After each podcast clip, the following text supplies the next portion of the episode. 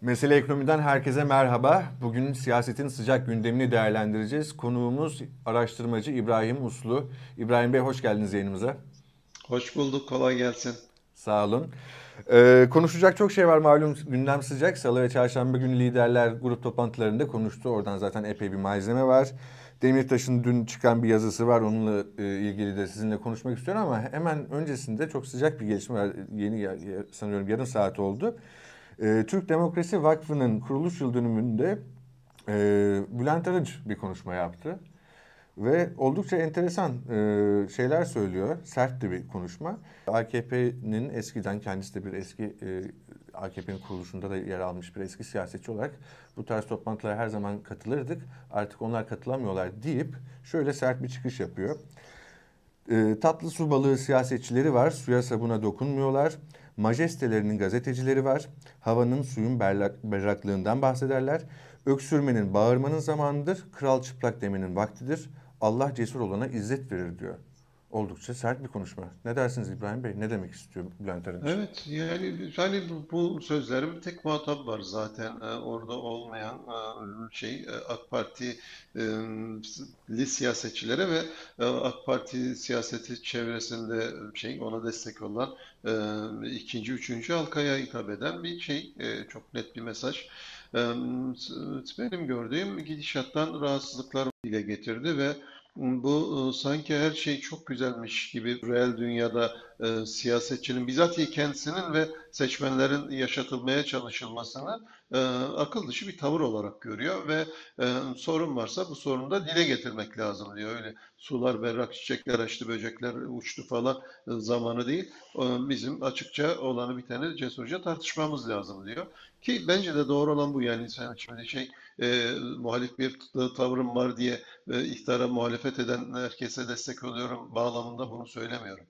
E, gerçekçi olan, siyaseten doğru olan da bu. Ortada bir sorun varsa. Bu şirketler için de böyle. Yani her şey çok güzel, işler çok yolunda dediğinizde sonunda iflas ediyorsunuz. Pazar payınızı kaybediyorsanız, e, karlılığınız düşüyor vesaire. Yani e, bir şey sorun yaşanıyorsa, bir verimsizlik söz konusuysa, yanlış adımlar atılmışsa ki olabilir. Yani insanın olduğu her yerde bu tür hata şey hatalar normaldir, olabilir. Ama hata hatayı görmezden gelip halının altına süpürüp sanki yokmuş gibi davranıp e, yolunuza e, her şey çok güzel bir şey diyerek devam edecek olursanız o zaman önünde sonunda e, gerçeklerin şey aşı yüzüyle karşılaşıyorsunuz. Şimdi ben bunu daha önce de defalarca anlattım. AK Parti'den arkadaşlara da anlattım. Şimdi e, referandumda e, AK Parti e, toplamda işte MHP ile birlikte o toplam oyları 60 51 buçuk aldı. Kimse bu 51 buçuğu konuşmadı. Sanki her şey güzelmiş. Niye? Referandumu geçirdik diye baktınız. İyi de MHP'den fire yoktu. E, bütün fireler AK Parti'dendi ve AK Parti o referandumda e, 8-9 puan fire verdi ve o 50'nin işte ancak 40-41'i e, şeyden geldi. AK Parti oylarından geldi. E, gerisi MHP oylarıydı. Şimdi bunu sorun yapmadınız. Ben bunu anlattığımda bir şey olmaz. Onlar genel seçimde gelirler falan diyorlardı. Bu referandum işte referandumda olabilir falan. Sonra e, genel seçim oldu. AK Parti bu sefer 42,5 aldı. Şeyle büyük birlikle tek liste girdikleri için o 42,5'un içinde büyük birlik oylar da var. Onu çıkardığınızda bir, bir buçuk puan civarında büyük birlik oylar var. AK Parti yine 41. Bunu da halının altına süpürdüler. Sonra yerel seçim oldu. İşte çok sayıda büyük şehir kaybedildi vesaire.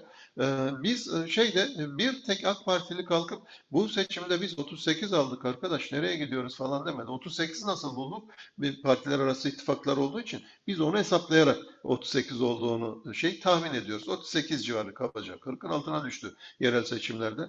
Bunu da bir tek AK Partili kalkıp biz 50'lerde iki seçimde %50'ye çıkmış bir partiyiz. Nasıl oldu da biz 40'ın altına indik 38'lere düştük. Ne oluyor arkadaş bunun sorumlusu kim falan e, neyi yanlış yapıyoruz onu da tartışmadılar.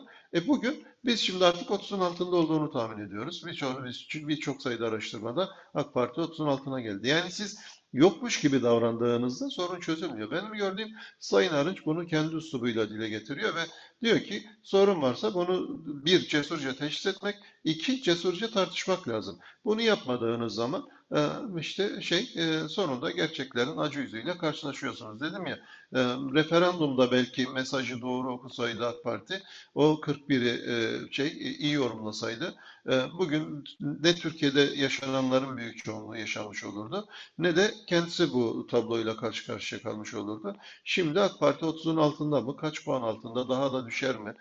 falan bunları konuşuyorlar. Ve şimdi benim gördüğüm bir şey panik hali başladı. Çünkü ne Cumhurbaşkanlığını ne parlamento seçimlerini kazanamayacaklarını görüyorlar. Fakat hala bunu konuşamıyorlar. Yani e, AKP içinden olup da gidişattan rahatsız olan tek kişi de herhalde Bülent Arınç değildir. Ama Bülent Arınç e, gibi cesur bir şekilde bunu dile getiremiyorlar muhtemelen.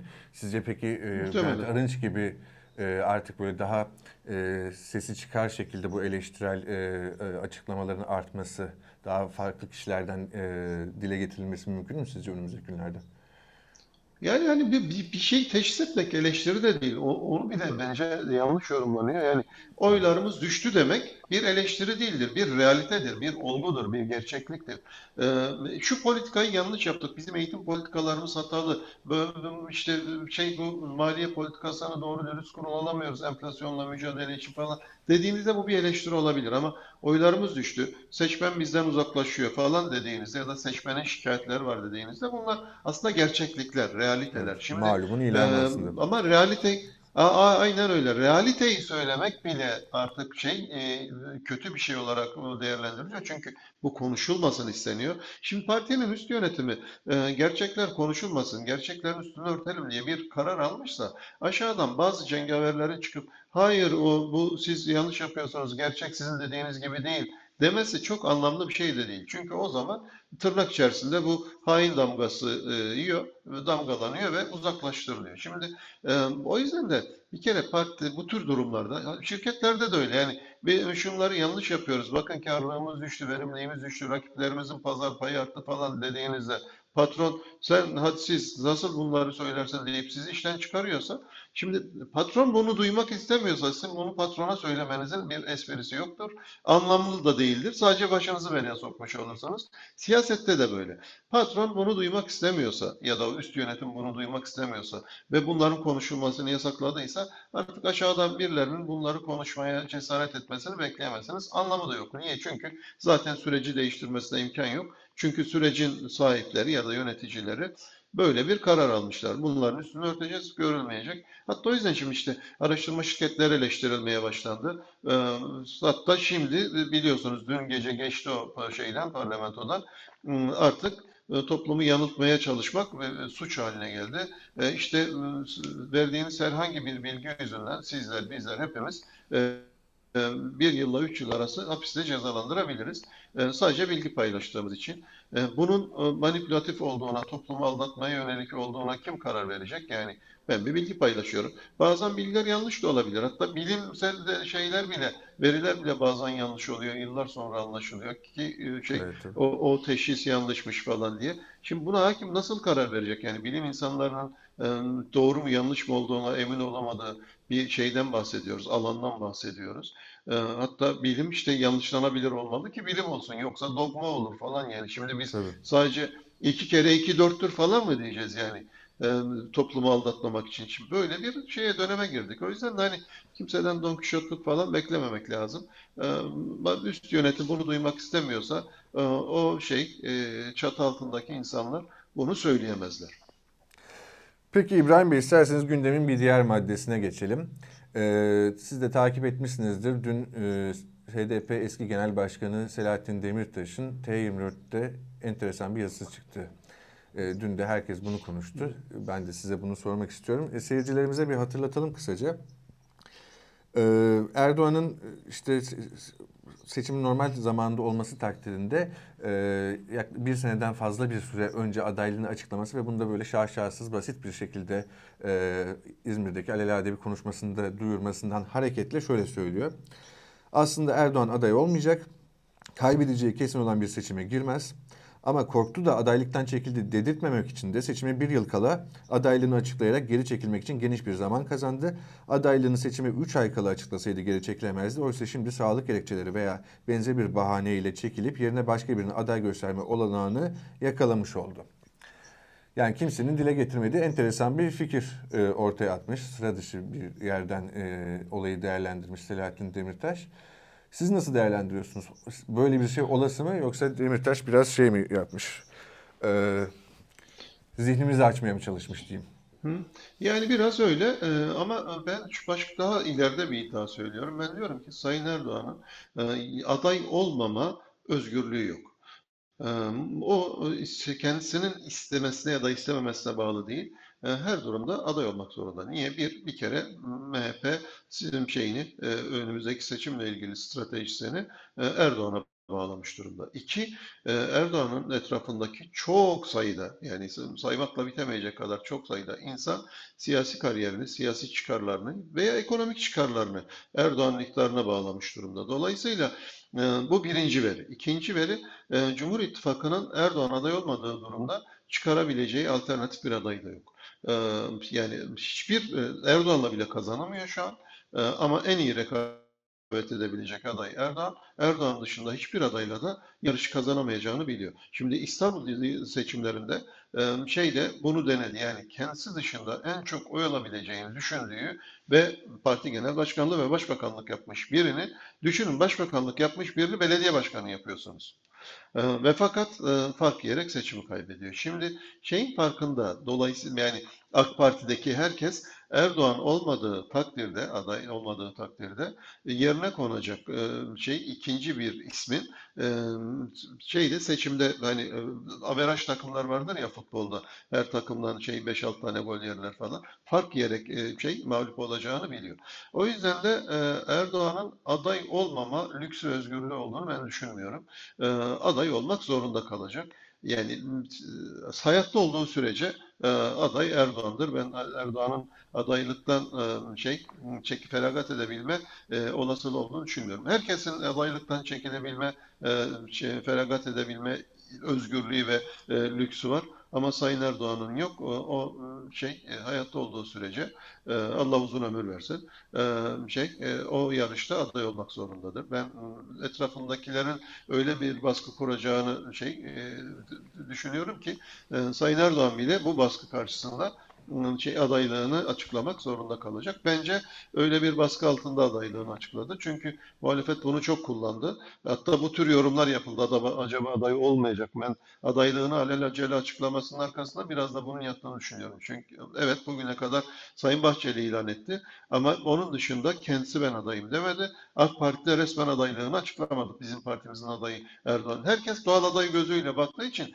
bunun şeyinden, konforundan yararlanıyordu. Ama muhalefet bunu dile getirdikçe yani sandığı getirmiyorsun, adaylığını açıklamıyorsan bizim adayımızı soruyorsun. E, bu nasıl bir iş? Sen önce e, sandık tarihini belirle, arkasından adaylığını açıkla, ondan sonra da biz adayımızı açıklayalım diye üzerine gidince e, belli ki bunun kendisine zarar veren bir şey olduğunu e, hissetti ve e, şey e, artık adaylığını açıkla e, diye kendi şeyden parti içinden gelen tavsiyelere uydu muhtemelen ve e, o bahsettiği ritüel olmadan, tören olmadan, seremoni olmadan e, adaylığını açıklamak zorunda kaldı. Hakikaten AK Parti bugüne kadar belediye başkan adaylarını bile büyük bir törenle açıklar.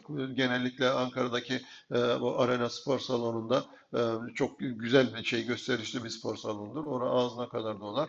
Gösterişli bir sahne olur. Coşkulu bir atmosfer yaratılır ve adaylar tek tek kamuoyuna tanıtılırdı. Şimdi işte şey İzmir'de kendi kendine aday ilan etti. Adayım dedi falan. AK Parti'nin bugüne kadarki geleneklerine çok e, aykırı bir şey oldu.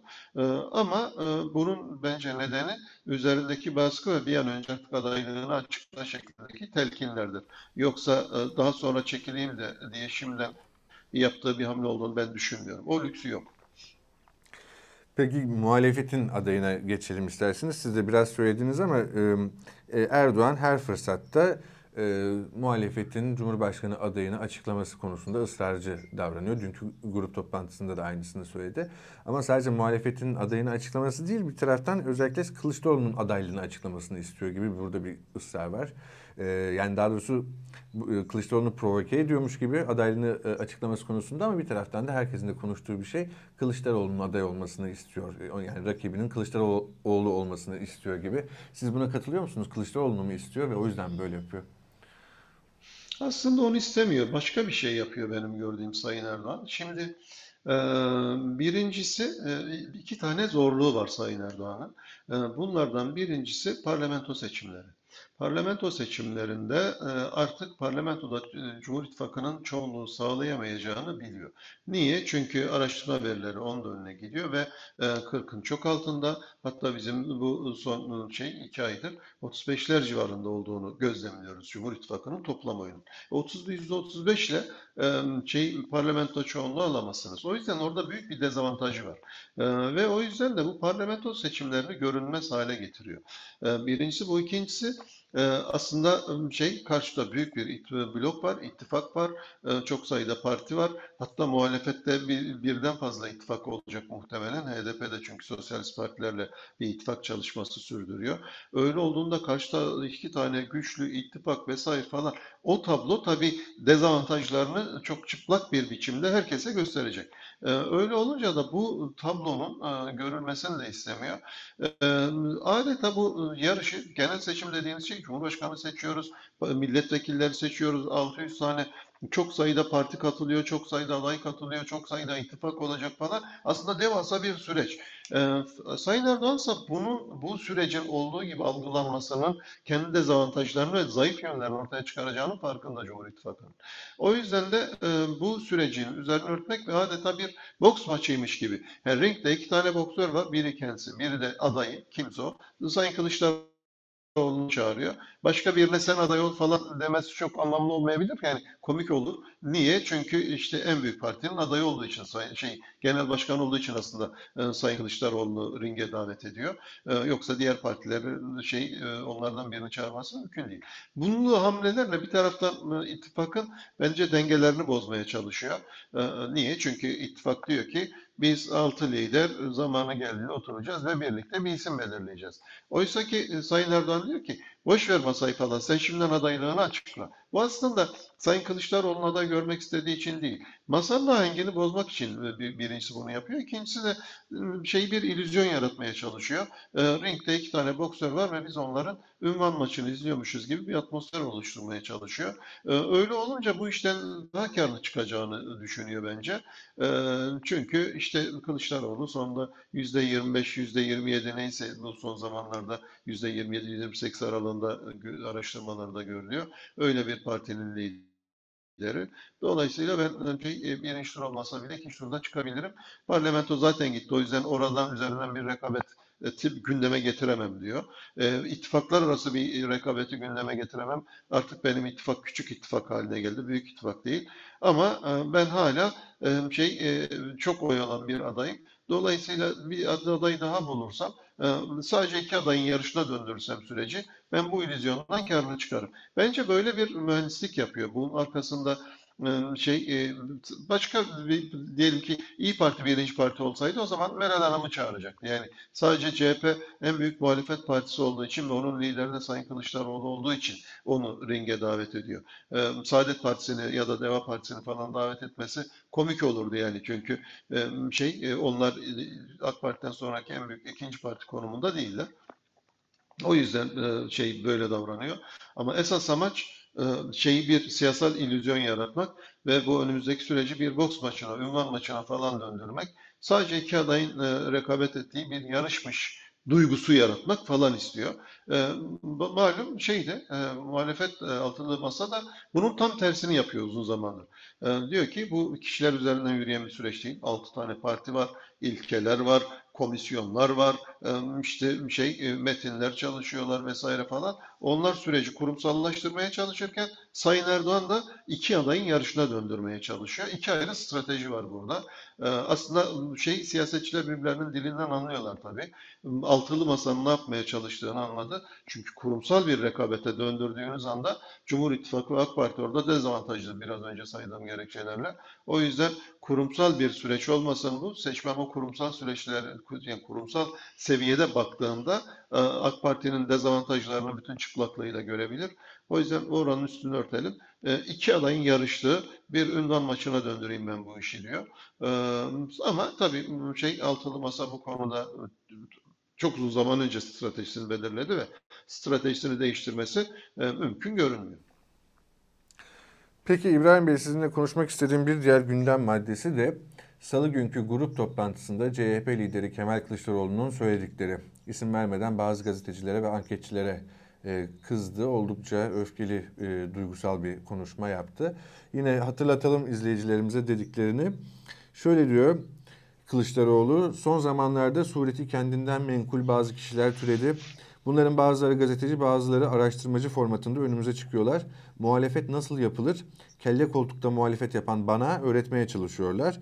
Muhalefet dersi verenler şunu çok iyi bilsinler ki biz daha ölmedik. Sizin ne mal olduğunuzu gayet iyi biliyoruz. Oldukça sert bir tonda. Hatta Kılıçdaroğlu'nun standartlarının üzerinde bir e, sertlikte. Doğru.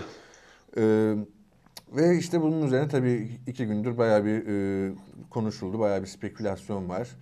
Ee, işte özellikle bir süredir e, Özer Sencer'e ve, e, ve onun e, kurucusu olduğu Metropol Araştırma Şirketi'nin bazı e, anketlerinin e, genel merkezi öfkelendirdiğine dair e, bazı duyumlar var. Yine dikene konuşan e, bir CHP'li üst düzey bir isim.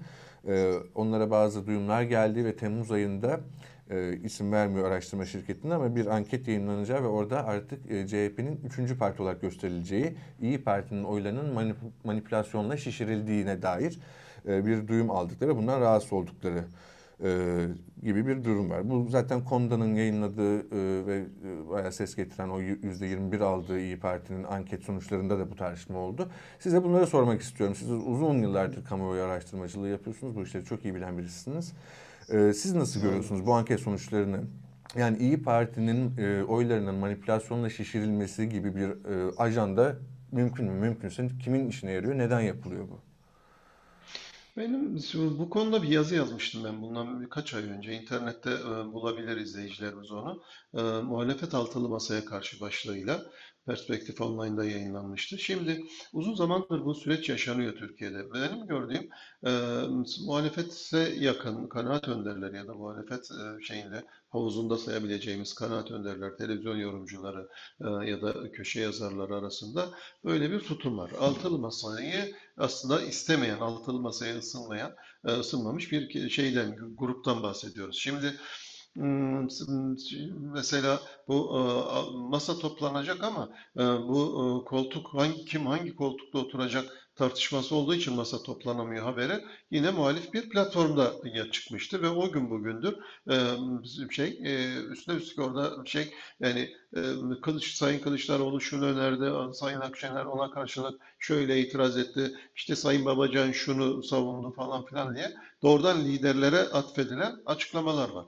Ben altı liderin beşiyle e, şey bu süreç içerisinde sohbet etme imkanı buldum ve beşine de sordum. Beşte asla böyle bir konuşma olmadı diyor. Şimdi e, bir şey e, gazeteci diyelim muhabir neyse böyle bir kulis haberi getirdiğinde onun editörü, genel yayın yönetmeni falan filan bunları teyit etmek istediğinde çok kolay teyit eder. Çünkü altı ayrı kişiden bahsediyoruz. Dolayısıyla ondan birine ikisine ulaştığınızda haberi teyit edebilirsiniz. E, hatta o liderlerin hepsine ulaşabilirsiniz. Yani e, erişilmez insanlar değiller.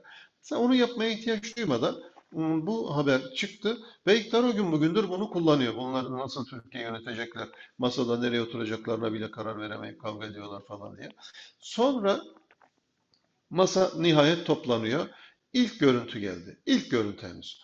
Ee, ve e, HDP'nin dört buçuk aydır süren e, parlamenter sistem çalışmaları ile ilgili komisyona katılmadığı bilindiği halde ve o toplantı o komisyon e, çıktığı raporları ile ilgili bir toplantı olduğu bilindiği halde burada niye HDP yok diye sordular. E, cevabı basit çünkü HDP zaten dört buçuk aydır yoktu. O yüzden yoktu o günde. E, çünkü o komisyon çalışmalarına katılmadı HDP. E, sonra e, bir süre sonra bu dalga geçti sosyal medyada. Toplantı henüz devam ediyor.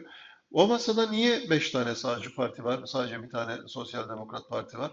Diğer son partiler nerede? TKP nerede falan? O esnada TKP, MHP, İşçi Partisi falan da e, HDP ile birlikte e, kendi e, ittifak çalışmalarını sürdürüyorlar. Şey başka bir ittifak çalışması sürdürüyorlar. Çok iddialı bir ittifak. Ben o ittifakın eğer kurulabilirse potansiyelinin çok yüksek olduğunu düşünüyorum. Z kuşağından oraya ciddi bir teveccüh var. Şimdi bu, bu partiler bunun da farkındalar.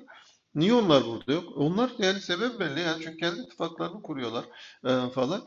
Şimdi, toplantı neyse nihayet bitti. E, sonra bir basın bülteni açıklandı. Adı üzerinde basın bülteni. Toplandık, şu konuları konuştuk, şu kararlar aldık denilen kısa, enformatik bir şeyden bahsediyoruz. Burada niye ekonomi politikaları yok? Nasıl yani? Basın bülteninde ekonomi politikası mı olurmuş? Ben şeyde bir televizyon programında yarım saat basın bülteninde ekonomi programının yer almayacağını, bunun seçim beyannamesinde yer alacağını, ortada seçim olmadığını, dolayısıyla kampanya olmadığını, dolayısıyla seçim beyannamesi olmadığını, dolayısıyla ekonomi politikası olmadığını anlattım. Yani abesle iştigal yaptığım bütün şey ama yani ciddi ciddi niye o basın bülteninde ekonomi programı yok diye e, açıklanmadı diye ben buna yanıt vermek zorunda kaldım. İki konuk vardı. Ayrıldıktan sonra muhalif bir kanalda oluyor bu arada. Onu da söyleyeyim. Ben ayrıldıktan sonra diğer arkadaş şey başka bir soru geldi şeyden moderatörden. O konuya gelmeden önce İbrahim Bey'e yanıt vermem lazım. Aynı zamanda tarım politikaları da eksik dedi ve tarım politikaları olmasının ne büyük eksiklik olduğunu anlattı. Basın bülteninde. Şimdi buradan bakınca gülüyoruz yani. Bir yani bir araya geldik şu konuları konuştuk denecek bir basın bülteni aldı şey adı üzerinde. Orada seçim beyannamesi bekleyen arkadaşlar vardı. Şimdi Bunların bir kısmı niye bunu yapıyorlar tam olarak bilemem tabii ki. Yani e, şey kötü e, şeyde e, zanda da bulunmak istemem ama benim gördüğüm bir kısmı gerçekten bu kadar e, şeyin sağ partinin olmasından kaygılılar. Niye? Sonunda sağcı bir iktidardan kurtulup yeni biz kendi ellerimizde sağcı bir iktidar daha mı kuracağız diye endişeliler belki. E, bir kısmı daha önce iki kere yaşandı. Bir kere yaşandı. İşte bu şey 2014 seçimlerinde sağcı bir adayın ortak aday olması Sayın Ekmelettin İhsanoğlu'nun. Onu hazmedemeyenler var. Tekrar benzer bir şey olmasından kaygılananlar var. Kimisi potansiyel adayların dışında belki başka bir adayın olmasını istiyor. Ya da o liderlerin dışında işte başka bir adayın desteklenmesini gerektiğini düşünüyor falan. Dolayısıyla herkesin gerekçeleri farklı olabilir. Ama neticede bu bilinen bir şey. Ta altılı masa toplantısı henüz başlamadan bu tarafa masaya muhalefet eden ve masayı itibarsızlaştıran bir şey var. E, bir, e, bir bir kanal var ve o, o kanal çok etkili bir biçimde çalışıyor. Bu kamuoyu araştırmalarına da yatıyor. Gerçekten muhalefet partileri çok da başarılı bulunmuyor. Yani oy oranıyla başarılı bulunma arasındaki makas açılmış durumda. ve ben bunun iktidar propagandasından değil, dost ateşinden kaynaklandığını değerlendiriyorum. Bunu da o e, bahsettiğim yazımda e, dile getirmiştim. E, şimdi belli ki Sayın Kılıçdaroğlu aradan geçen bu, bu bunca zaman sonunda süreç sona doğru yaklaşırken bu şeyden, bu tür tutumlardan rahatsızlığını dile getirme ihtiyacı hissetti ve çok net bir biçimde açıkladı bunu. Araştırmalarda gerçekten mesela biz hiçbir zaman İyi Parti'yi 15'lerin üzerinde görmedik. Bir ay sadece 15'in üzerinde görmüştük. Bu küfür hadisesinden önceydi. Fakat yani bir ay bir partinin oyunu yukarıda gördüğünüz zaman o çok şey o, o, o öyle olduğu anlamına gelmez. Çünkü şeyde araştırmacılıkta, istatistikte falan ya da bilimsel standartları da öyledir. En az üç kere gözlemeniz gerekir. Üç gözlemden sonra evet galiba böyle falan diye kanaat getiriyorsunuz ama yani bir ay bir şey e, bir rakam bulduğunuzda büyük sansasyonlar kopuyor Türkiye'de bazen. E, biz hiçbir zaman İyi Parti'yi %15'lerin üzerinde bulgulamadık. O yüzden ben bu yüzde hatta yüzde 21.7 idi ve iki ayda e, yani 15, 18 ve 22 şeklinde yani yuvarlayarak söylüyorum. İyi Parti'nin oylarını gör, şey, bulguladılar. Bunun anlamı İyi Parti iki ayda oylarını %50 arttır demek. Yani 15'ten 22'ye geldiğinizde oylarınızı %50 arttırıyorsunuz. Ama şeye baktığınızda yani siyaset alanına bir parti iki ayda oylarını %50 arttırabilir mi? Bu şu konjonktür buna uygun mu? Gerçekten bu olmuş mudur falan? Ben e, evet olabilir falan yanıtı veremiyorum maalesef. Ee, İyi Parti e, şeyde e, yerel seçimlerden sonra iyi performans gösterdi ve zaten %10'dan 15'e geldi oylarını yükseltti. Fakat bu iki ayda falan olmadı. Süreç içerisinde oldu. Süreç içerisinde istikrarlı biçimde büyüdü. Şimdi %15'lerde duruyor. Benim gördüğüm İyi Parti üst yönetimi de bunun farkında. Yani o büyümenin yavaşladığını, e, durduğunu gördükleri için e, şey e, siyasal kimlikleriyle ilgili ya da pozisyonlamaları ile ilgili stratejilerini gözden geçirdiler ve daha merkeze kaymak için yeni adımlar attılar. Biliyorsunuz e, şey Sayın Akşener e, İyi Parti'yi daha merkeze yaklaştırmaya çalışıyor. Evet. E, Zaten yani İyi Parti'nin üst yönetimi rasyonel şey- bir şey e, tavır takınıyor. Bu, bu, bu tür şeylerden, manipülasyonlardan etkilenmediklerini ben e, gözlemliyorum ve değerlendiriyorum. Ama e, bazı şey e, siyaseti dizayn etmek isteyen hevesli arkadaşlar e, var, görünüyor yani medyada da e, bizim meslekte de. E, Ve onlar e, şey e, sonunda Sayın Kılıçdaroğlu'nun e, böyle bir tepki vermesinin bence neden oldu. İbrahim Bey çok teşekkürler değerlendirmeleriniz için. Ben teşekkür ediyorum. Kendinize iyi bakın. Kolay gelsin. Siz de kendinize iyi bakın. İbrahim Uslu'yla siyasetin sıcak gündemini değerlendirdik bugün. Bizi izlediğiniz için teşekkür ederiz.